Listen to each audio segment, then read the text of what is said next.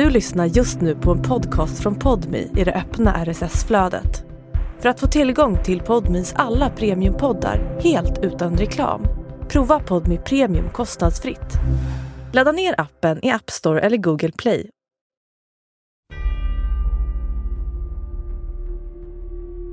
Och jag eh, sätter mig över honom och börjar binda fast hans armar. Och, eh, så han börjar göra motstånd och jag drabbas lite grann av panik. En 35-årig man åtalades idag misstänkt för två mycket grova våldsdåd mot homosexuella män i Stockholms län. En av männen misshandlades till döds i Solna och den andra blev svårt knivskuren i en lägenhet på Södermalm i Stockholm. Jag kommer ihåg hur jag satt på sängen när han låg på golvet. Och jag tittade på honom och såg hur han tog sina sista andetag. Nu kommer ingenting någonsin att bli sig likt igen. Du lyssnar på podden Bakom galler, en exklusiv podd produktion där Hanna Engberg och jag, Eva-Lisa Wallin, träffar människor som sitter i fängelse. De vi möter har begått det värsta brottet, tagit livet av en annan människa. Hur hamnar man där och finns det en väg tillbaka? I dagens avsnitt träffar vi Mikael Kittilä, dömd för mord, försök till mord och grovt rån som för första gången berättar på djupet om hur han gav sig på homosexuella män. Men också om hur livstidsstraffet har förändrat honom, om oskrivna regler i fängelset och om sin fascination för Jupiter. Vi varnar känsliga lyssnare för starkt innehåll. Ja, hej, jag heter Micke, eh, Mikael Kittila. och eh, jag är född uppe i Boden och har bott överallt i Sverige. Uppväxt i Skåne, Eslöv, finsk mamma, ingen pappa. Eller jag har en pappa men jag har aldrig träffat honom. I december 2007 utförs en rad hatbrott mot homosexuella män i Stockholmstrakten. Under en period på 20 dagar sker totalt fyra överfall. En man hittas knivmördad i sin lägenhet och en annan man blir torterad i sitt hem. Alla offer har blivit rånade. Det tar inte många månader innan polisen griper den skyldige. Mikael Kittilä är vid tillfället för dåden heroinmissbrukare och i desperat behov av pengar. Han tar kontakt med homosexuella män på nätet med avsikt att råna dem. Ju tyngre ner i missbruket jag hamnar, ju mer heroin jag började använda, desto mer pengar behövde jag. Och jag visste inte hur jag skulle drifta mig här i Stockholm. Jag hade ett jobb. Eh, men den här jakten på droger, den tog över allt mer och mer. Så jag kunde inte gå till jobbet för jag var tvungen att vara ute och försöka få tag på droger. Och det var ju jätte, jättedyrt att köpa heroin, när man, speciellt när man inte känner folk. Eh, det är inte som när jag var i Skåne, där kände jag folk och där kunde jag drifta. Jag kunde själv sälja droger, jag kunde vara kriminell på andra vis. Det kunde jag inte här. Och ehm, då fick jag den där idén att jag ska börja råna folk. Homosexuella som, eh, som vill ehm, vara anonyma och som är diskreta. Och jag tänkte att jag kunde utnyttja deras läggning till min fördel. Genom att de inte kommer våga anmäla mig om jag rånar dem. För de, de har känsliga arbeten till exempel. Och kanske jobbar på någon förskola eller jobbar i någon skola. Så att eh, jag började ta kontakt med, med män som eh, var väldigt diskreta. Och, Hur många tror du att du träffade och rånade så att säga? Det, det, var ett, det var ju ett antal. Jag, jag tog väldigt mycket droger, och så jag kommer inte ihåg exakt. Men eh, det var kanske tio stycken. Eh, och alla de här rånen gick till på samma sätt. Jag tog kontakt med dem och så eh, kom vi överens om att jag skulle komma hem till dem och så skulle jag binda fast dem. Och så skulle vi ha sex. Men efter att jag hade bundit fast dem så rånade jag dem. Och det, jag tog ju kontakt med dem via, via nätet och med min mobiltelefon. Så att jag lämnade, jag lämnade ju spår efter mig. Jag visste ju liksom att om de vill så kan de sätta dit mig. Men jag var så pass säker på att de inte skulle sätta dit mig så, att, eh, så jag fortsatte. Och jag blev eh, allt mer desperat. Jag behövde mer och mer pengar. Och jag mådde sämre och sämre. Eh, någonstans så förstod jag väl att det, det kommer inte sluta bra. Den 35-årige mannen åtalas misstänkt för mord, mordförsök, flera rån, rapporterar Radio Stockholm. Polisen griper Mikael Kittilä. Han åtalas och döms till livstidsfängelse.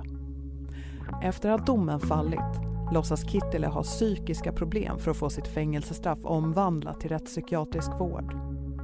Här hörs han i TV3s program Efterlyst. Ja, jag kom till rättspsykiatriska undersökningen så fick jag träffa olika psykologer och läkare. Där.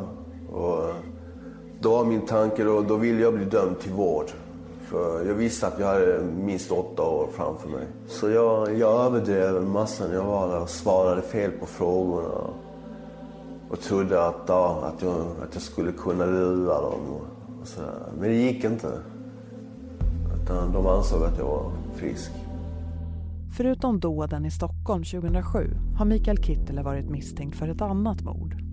Mikael Kittele har tidigare utretts för ett mord på en trebarnsmamma som han enligt honom själv hittade död i hennes lägenhet. År 2000 hittas en kvinna knivmördad i sin lägenhet i Eslöv. Den som hittar henne livlös i köket är just Mikael Kittile. Han berättar för Efterlyst. Jag hittade henne där i en lägenhet. I hennes lägenhet.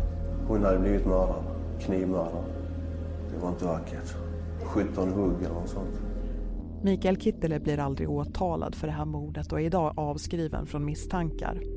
Mordet på kvinnan är fortsatt ouppklarat. Men det var sju år senare, en kväll i december 2007, som allt skulle förändras för Mikael Kittele. Kittele åkte hem till mannen i Solna med avsikt att råna honom. Men planen fallerade och Kittele högg ihjäl honom med en kniv. Vad är det som gör sen att en av de här männen då, den här mannen, att han dör? Man kan ju råna och så kan man dra. Ja. ja. Det rånet gick ju snett helt enkelt. Eh, vi kom överens om att jag skulle komma hem till honom och så... Och så skulle han eh, ligga i sin säng. Eh, det skulle vara släckt i rummet. Och han skulle ligga och vara vänd mot väggen så att han skulle kunna känna igen mig och identifiera mig. Och eh, han hade lämnat eh, portkod och så här till mig. Och så skulle han lämna eh, några rep vid sängen så att jag kunde binda fast honom. Och jag kommer in till honom och där är repen och allting och han ligger precis så som vi har kommit överens om. Och jag sätter mig över honom och börjar binda fast hans armar. Och, och jag kommer ihåg att jag hade alla mina kläder på mig fortfarande och, och jag var abstinent. Eh, det sista, sista heroinet tog jag kvällen innan. Så jag hade abstinens, jag hade druckit alkohol, jag hade tagit lite tabletter. Och eh, när jag satt på honom så, så, märkte han antagligen att det är något som inte stämde. Att, eh, att min avsikt var inte att eh, ha sex med honom utan eh, det var något annat. Och, så han började göra motstånd och jag drabbades lite grann av panik. Ehm, och eh, ja, det slutade som det slutade. Han, eh, han dog. Ehm, ja. Och jag kommer ihåg hur jag satt på sängen när han låg på golvet. Ehm, och jag tittade på honom och eh, såg hur han um, tog sina sista andetag. Och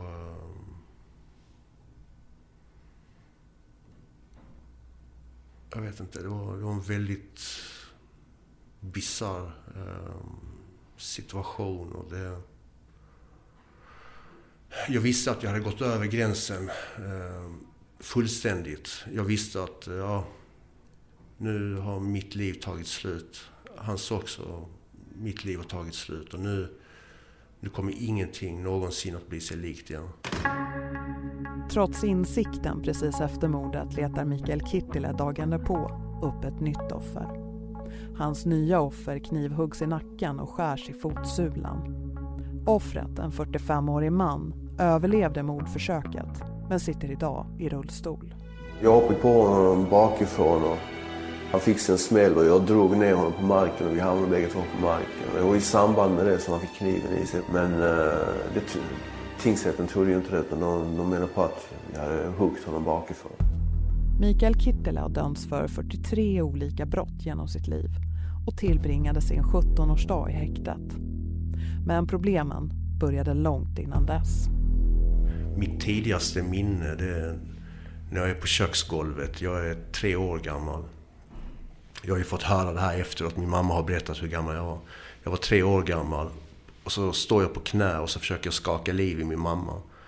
Och um, jag kan inte väcka henne och jag, jag skakar på henne. Och jag kommer ihåg att jag var väldigt rädd och eh, uh, känner mig otrygg. Och i efterhand nu så har jag, så har jag fått veta vad, vad som hade hänt. Och det var att min styvpappa hade tagit en, eh, en stol uh, och slängt den i ryggen på min mamma när hon satt vid kaffebordet och fikade med väninnor. Och hon svimmade. Och det var därför jag försökte väcka henne. Hon behövde gå till sjukhuset. Hon vaknade senare och behövde gå till sjukhuset. Men min styrpappa styvpappa förhindrade henne. Ehm, han förbjöd henne att åka till sjukhuset för han var rädd att han skulle bli anmäld och så här. Så, eh, så hon fick gå omkring i lägenheten och till sist så kollapsade hon och då körde, kördes hon iväg till sjukhuset. Eh, av några grannar. Och det visade sig att hon hade flera revben som var brutna och bägge lungorna var punkterade. Och, um, ja.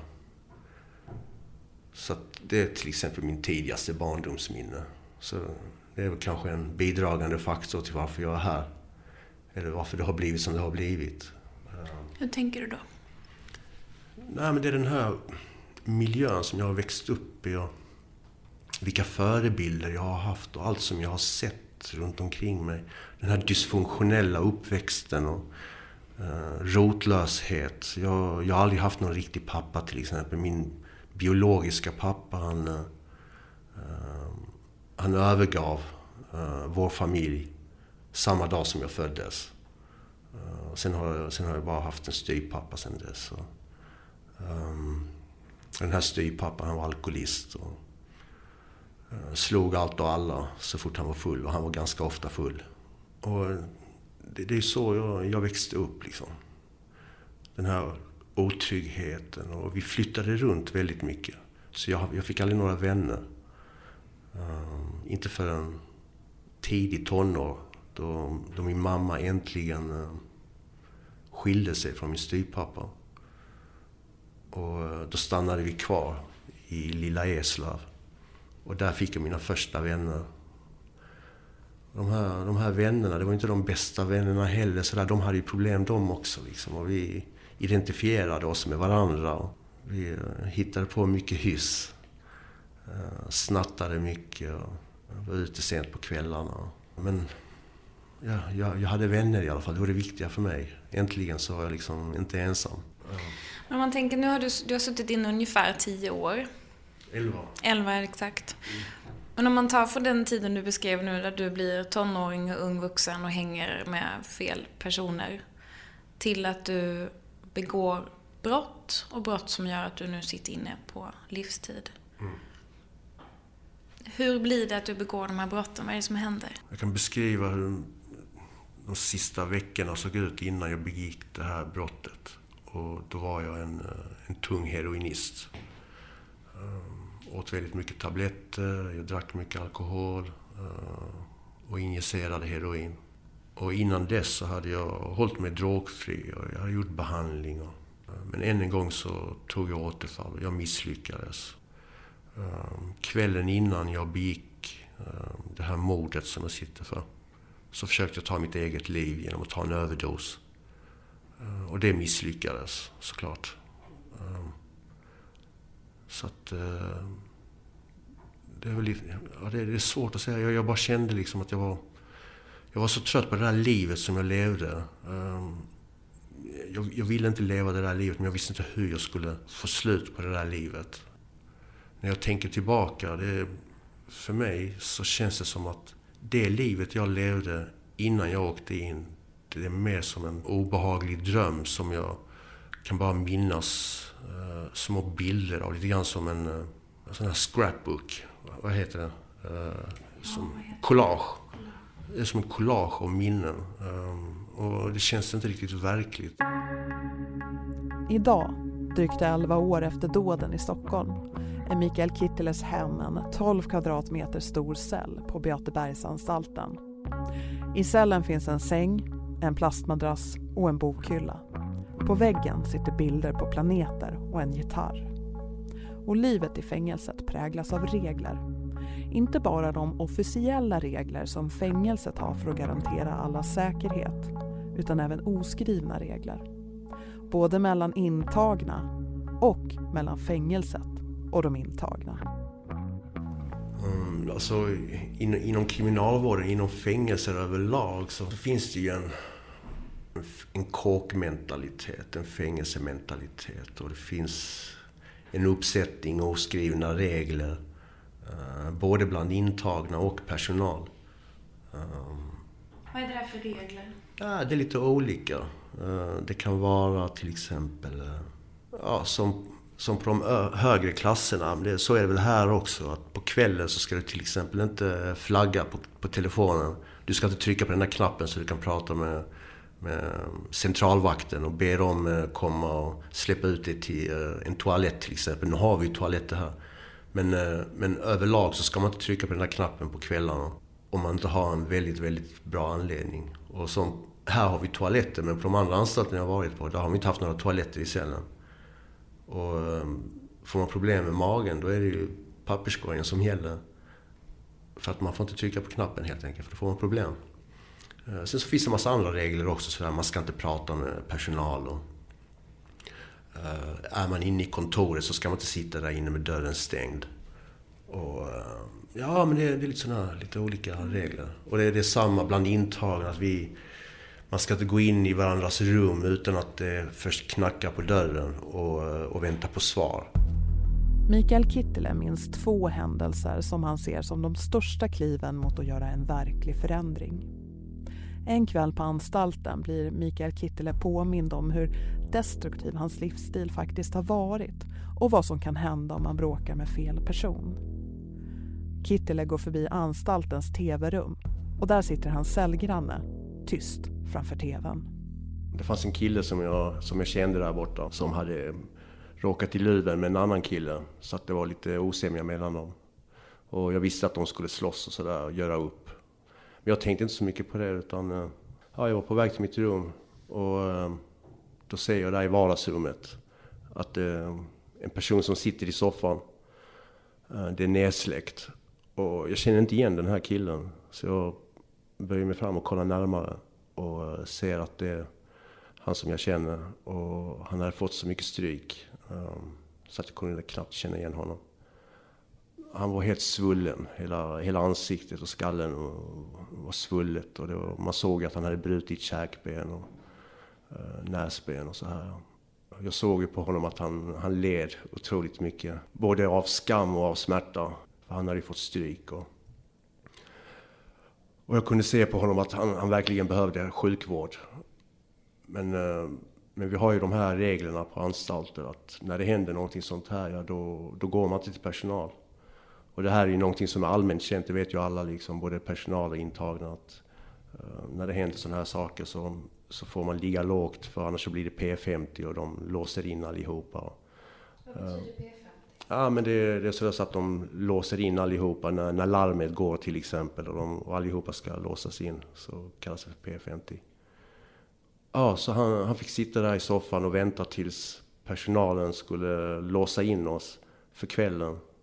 Och när de upptäcker honom då, då, då är det inte hans fel liksom. Så att då kan de ta honom till sjukhuset och han kommer inte få några problem. Men eh, i vilket fall som helst så satt han där i soffan och jag tyckte för jävla synd om honom. Jag vet inte, det, det gjorde jävligt ont inom mig bara när jag såg honom. Det här var ju egentligen vardagsmat, för att det, det är inget nytt på, på anstalter, särskilt på klass 1, att det är slagsmål och så här. Och att folk gör upp och eh, de hittar ju stickvapen och knivar hela tiden vid visitationer. Och, så att våld är inget ovanligt på ettor. Eh, och det var väl någonting som jag var van vid också. Och jag brukar kunna skärma av det där utan problem. Och, ah, inte bry mig, men den här gången så så eh, jag vet inte, när jag, efter inlåsningen och efter att de hade hämtat den här killen till sjukhuset så låg jag i sängen och kollade på TV och reflekterade över dagen. Och jag tänkte på det här och jag, det bara slog mig liksom att jag inte längre vill ha, ha någon del av det där livet. Jag vill inte...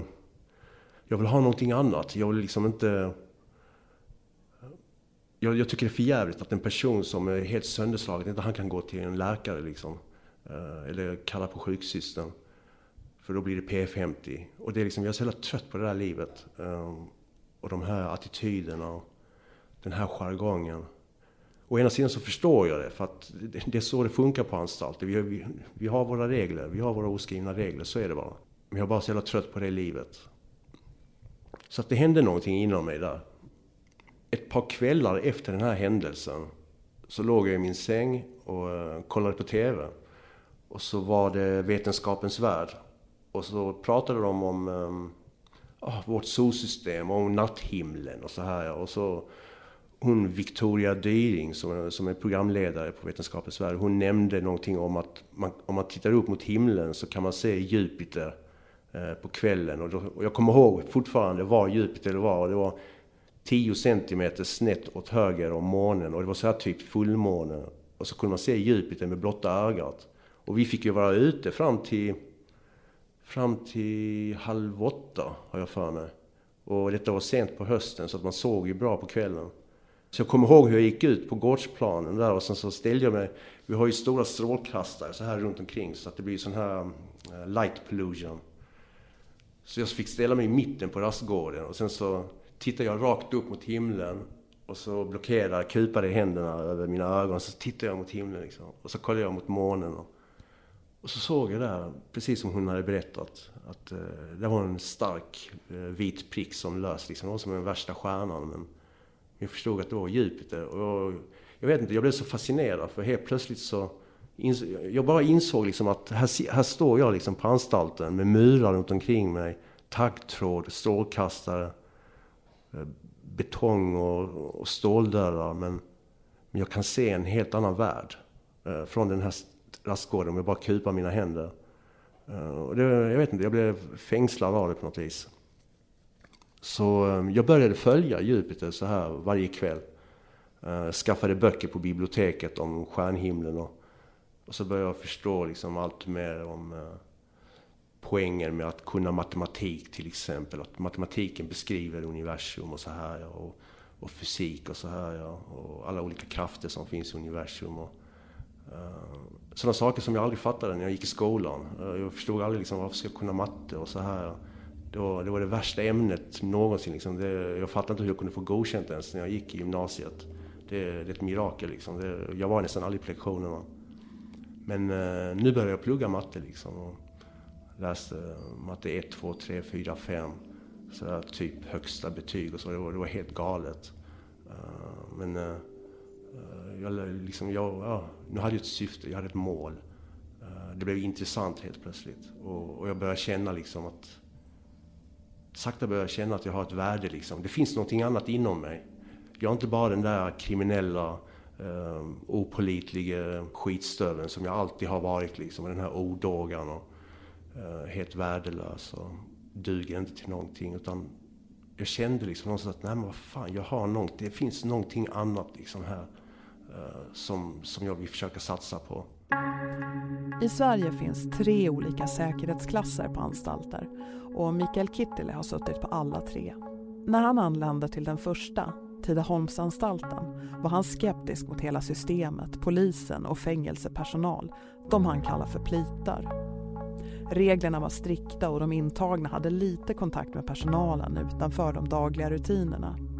Men när Kittilä sen flyttades till anstalten Österåker var det just en i personalen, en plit, som skulle förändra hans liv. En dag så, um, så var det en i personalen. Han, um, han satt och spelade gitarr inne i sitt kontor.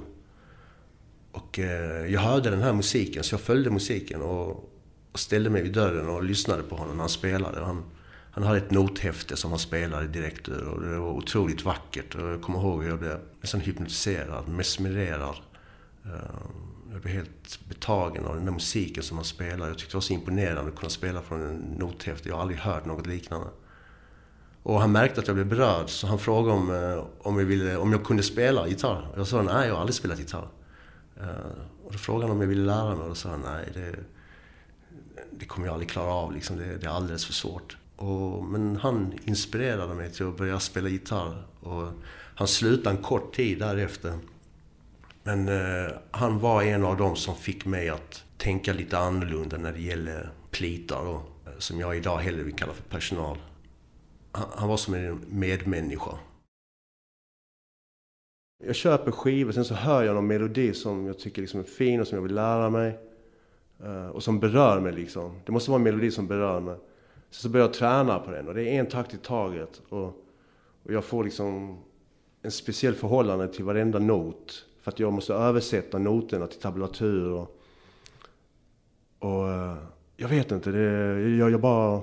Jag älskar att kunna sitta så här liksom. Jag brukar sitta i min cell helt själv och så kan jag spela sådana här melodier. Och just den här känslan när jag lyckas lära mig melodi liksom. Och, och när jag är på väg att lära mig och jag känner liksom att ja, jag kommer lyckas, jag kommer sätta den liksom. Det kan vara jättemotigt i början, det kan vara jättesvårt i början. Jag kan känna liksom uppgiven och ja, det kommer inte gå liksom. Men sen så fortsätter jag att kämpa. Och så till sist så upptäcker jag att nej men fan, jag kommer nog fan att lära mig den här. Och till sist så lär jag mig den. Det är, det är den bästa känslan liksom. Det, det, slår alla droger i hela världen. Och det, Vad handlar den känslan om? Ja, men det, det är bara, jag, jag bara känner liksom att, att jag liksom, jag, det är, det, alltså jag, jag mår bra liksom på ett sätt som inte försvinner. Det liksom bygger upp en, en fundament i mig, liksom grunden liksom. Jag vet inte, en karaktär eller någonting. Jag vet att när jag, som när jag tog droger så mådde jag bra för stunden. Sen så gick det över. Sen så hade man abstinens och så här. Och ångest och vad det nu kan vara. Men nu så får jag en må bra-känsla som aldrig försvinner. Den ligger kvar där hela tiden. Och det liksom gör någonting med mitt, mitt eget värde. Eh, jag känner liksom att att jag liksom, att jag gör någonting, någonting bra. Ja, någonting fint för en gångs skull och någonting um, någonting som jag kan vara stolt över. Just det där, någonting jag kan vara stolt över. Ibland så ringer jag hem till min mamma till exempel. Och så lägger jag telefonen på, på bordet och så spelar jag en melodi för henne. Bara för att hon ska få höra liksom att fan, jag är inte den där. Och hon kan liksom vara lite stolt ändå över mig. Trots allt skit som jag har gjort och liksom... Ja, trots det som hände så att jag blev dömd till livstid och... Och sen samtidigt liksom... Det är så dubbelt. För att när jag spelar de här melodierna eller vad det nu gör, allt, alla de här, när jag känner att jag växer och ja, men allt som jag lär mig liksom, studier eller vad det än är. Så någonstans så vet jag hela tiden att allt det här är vackra och underbara, det har jag berövat någon annan. Någon annan som aldrig kommer få uppleva det här. Ja. Eh, en annan person som kanske skulle få barn. Och de här barnen skulle få uppleva det här. Och de i sin tur skulle få barn som skulle få uppleva det här. Och det där har jag liksom bara tagit bort. Jag vet inte. Det är, jag tror det är därför någonstans också som jag alltid bara brukar sitta och spela gitarr för mig själv till exempel. Uh, många gånger så sitter jag och tänker på honom när jag, när jag spelar. Och jag skulle vilja sätta mig vid hans grav och spela för honom och liksom bara... Jag kan inte uttrycka med ord vad det är jag känner. Det är jättesvårt att uttrycka men det är mitt sätt att... Jag vet inte be om ursäkt är väl fel, men jag är bara jävligt ledsen för allt skit som har hänt. Uh, under alla år. Uh, jag är ledsen liksom för alla anhörigas skull och för min mammas skull och mina släktingar och vänner. Och... I maj 2018 fick Mikael Kittilä avslag på sin ansökan om tidsbestämt straff. Det finns en stor risk att han återfaller i allvarlig brottslighet menar tingsrätten och hänvisar till utlåtanden från bland andra Rättsmedicinalverket. Han bedöms ha en antisocial personlighetsstörning med psykopatiska drag.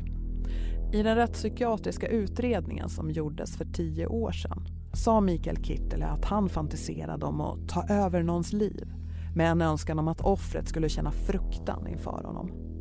Han berättade att han band sina offer för att kunna göra som han ville med dem och deras hem och att det fick honom att må som, citat, en kung. Men idag hävdar Mikael Kittel att han ljög för att försöka manipulera testerna och få vård istället för fängelse. Att försöka bli kryssad, som det kallas. Trots den här förklaringen och trots att han suttit fängslad i 11 år så tycker Rättsmedicinalverket att diagnosen fortfarande stämmer. I en checklista för psykopati får Kittilä höga poäng. Han har problem med auktoriteter, agerar utifrån egna prioriteringar och framhåller positiva sidor hos sig själv som han kan kontrollera och tonar ner de som är problematiska för honom, enligt myndigheten. Det är helt enkelt svårt att veta hur djupgående hans förändring är. Du försökte få eh, bli, få tidsbestämt straff, heter det. Och du fick avslag och som du sa så var det ändå väntat, så att säga. Men i det här beslutet så skriver ju rättsväsendet då att, eh, att du behöver jobba med fler saker, delar av ditt av din personlighet, att du skulle vara manipulativ, impulsiv, narcissistisk personlighetsstörning tror jag till och med att de skriver. Grandios och... Hur känns det liksom att höra det, så att säga, få det på ett papper? Det, det, det är extremt jobbigt. Um, alltså, någonstans, jag, jag, alltså, saken är den att jag vet att de tog det där beslutet. Alltså, jag vet, kanske är jag liksom en fullblodspsykopat. Kanske är jag. Kanske gör jag det här just nu för att jag är manipulativ. Och för att jag har någon baktanke som jag inte själv är medveten om. Jag vet inte. Det, så, det känns ju inte så. Och återigen, det är inte synd om mig. Det, jag vill bara påpeka, men, men saken är att det är skitjobbigt.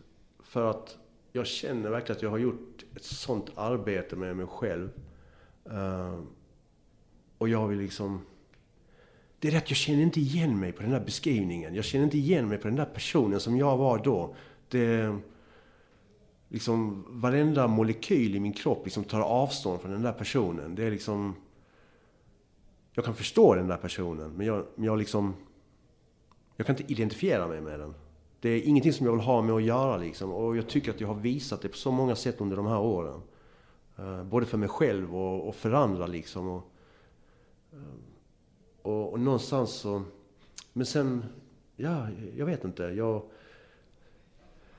Jag förstår att de är osäkra liksom. Och det, jag begick ju ett, ett jättefruktansvärt brott liksom. Och, uh, jag fick hög återfallsrisk när jag var på rättspsyk. Och, eh, jag försökte bli kryssad och allt det här. Ja, och, och jag fick olika diagnoser. Och, eh, det är någonting som jag får leva med helt enkelt och acceptera någonstans. Och, och liksom, jag försöker göra allt som RMV ber om och som sådär, kriminalvården ber om.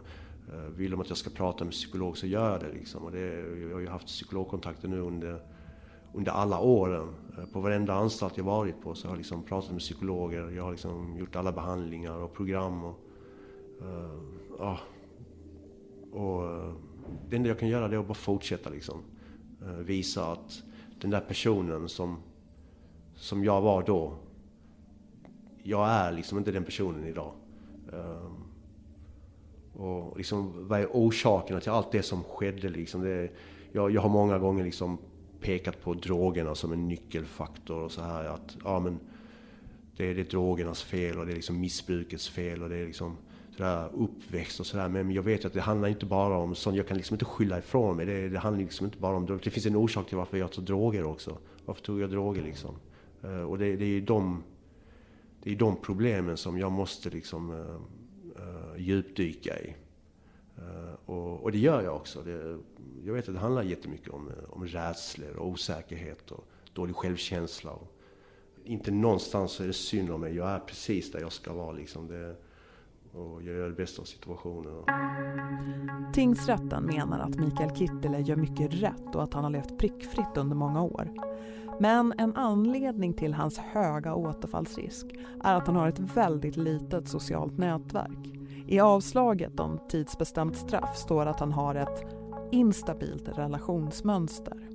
Och det, det finns ju jättemycket forskning som visar till exempel på vikten av det sociala stödet och hur det förebygger stress och frustration och aggression.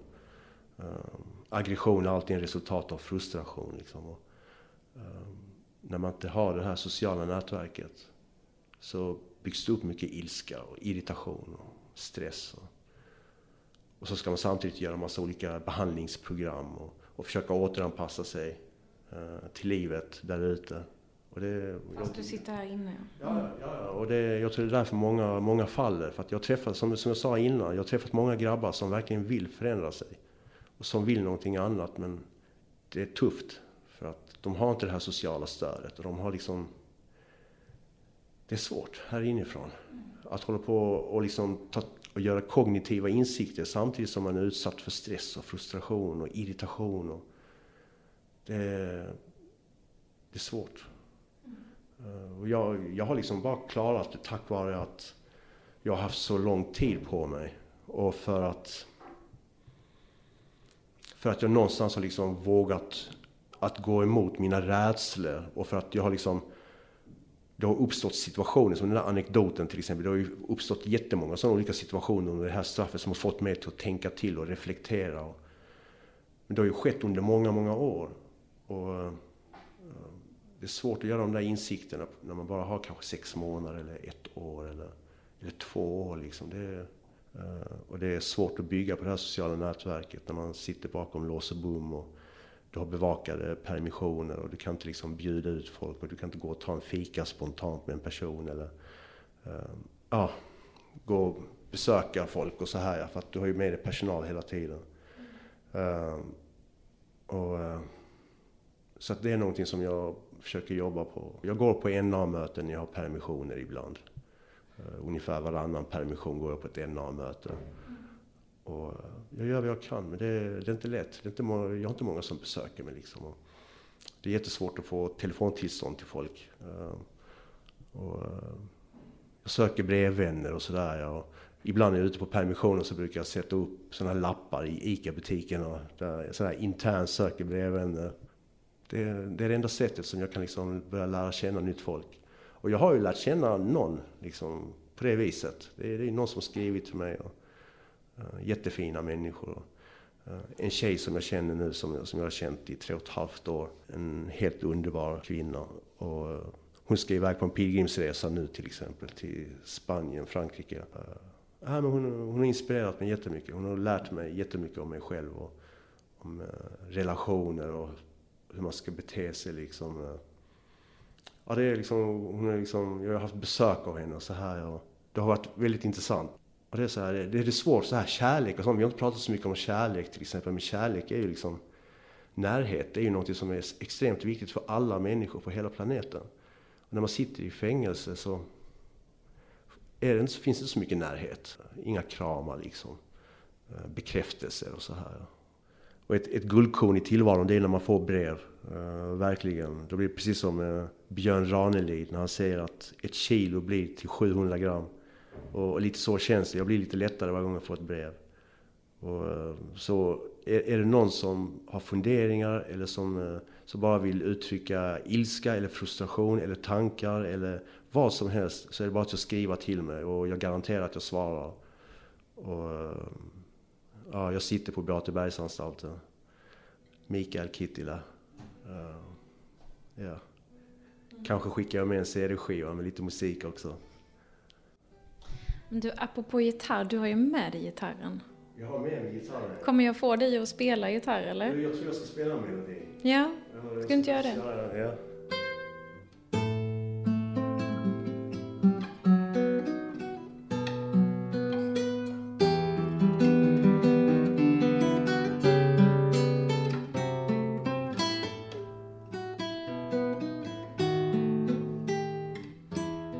Bakom galler är en exklusiv podmi produktion som görs av Hanna Engberg som idag intervjuade och mig, Eva-Lisa Wallin.